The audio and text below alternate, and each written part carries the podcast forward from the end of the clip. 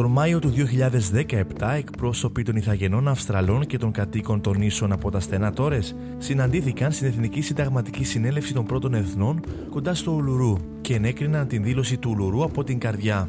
Η δήλωση προτείνει μια αλλαγή στο Σύνταγμα της Αυστραλίας, αναγνωρίζοντας τα πρώτα έθνη της χώρας συνταγματικά βασιζόμενη στην αλήθεια, τη δικαιοσύνη και την αυτοδιάθεση.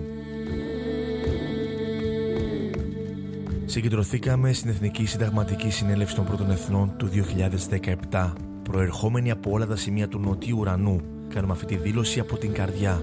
Οι φυλές των Ιθαγενών και των κατοίκων των στενών των νήσων Τόρες ήταν τα πρώτα κυρίαρχα έθνη της Αυστραλιανής Υπήρου και των γειτονικών νησιών της και την κατέλαβαν σύμφωνα με τους δικούς μας νόμους και έθιμα.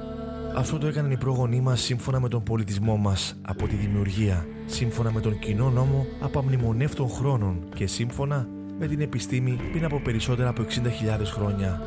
Αυτή η κυριαρχία είναι μια πνευματική αντίληψη, ο προγονικός δεσμός μεταξύ της γης ή της μητρικής φύσης και των Ιθαγενών και των κατοίκων των ίσων των στενών τόρες που γεννήθηκαν από αυτές παραμένουν προσκολλημένοι σε αυτό και πρέπει κάποια μέρα να επιστρέψουν εκεί για να ενωθούν με τους προγόνους μας.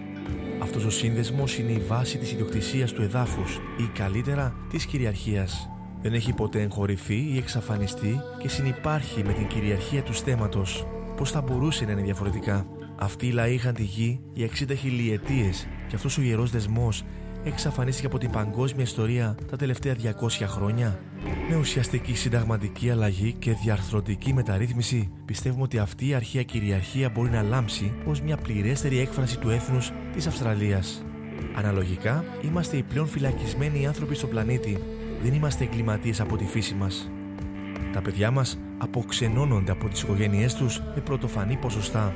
Αυτό δεν μπορεί να συμβαίνει γιατί δεν έχουμε αγάπη για αυτά. Και οι νέοι μας μαραζώνουν σε φυλακές, σε τεράστιο αριθμό. Πρέπει να είναι η ελπίδα μας για το μέλλον. Το μέγεθος της κρίσης δείχνει ξεκάθαρα τη δομική φύση του προβλήματός μας. Αυτό είναι το μαρτύριο της αδυναμίας μας επιδιώκουμε συνταγματικές μεταρρυθμίσεις για να ενδυναμώσουμε το λαό μας και να πάρουμε μια νόμιμη θέση στη χώρα μας.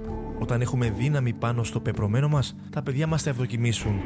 Θα περπατήσουν σε δύο κόσμους και ο πολιτισμός τους θα είναι ένα δώρο για τη χώρα τους. Ζητούμε τη δημιουργία της φωνής των πρώτων εθνών που θα κατοχυρώνεται στο Σύνταγμα. Η Μακαράτα είναι το αποκορύφωμα της ατζέντας μας, η Ένωση μετά από έναν αγώνα. Αποτυπώνει τι φιλοδοξίε μας για μια δίκαιη και αληθινή σχέση με το λαό της Αυστραλίας και ένα καλύτερο μέλλον για τα παιδιά μας με βάση τη δικαιοσύνη και την αυτοδιάθεση. Ζητάμε μια επιτροπή Μακαράτα και την αλήθεια για την ιστορία μας. Το 1967 γίναμε επίσημα μέρος του εθνικού πληθυσμού. Το 2017 επιδιώκουμε να ακουστούμε. Φεύγουμε από τη βάση μας και ξεκινάμε το ταξίδι μας σε αυτή την απέραντη χώρα. Σας προσκαλούμε να περπατήσετε μαζί μας σε ένα κίνημα του λαού της Αυστραλίας για ένα καλύτερο μέλλον. Thank you.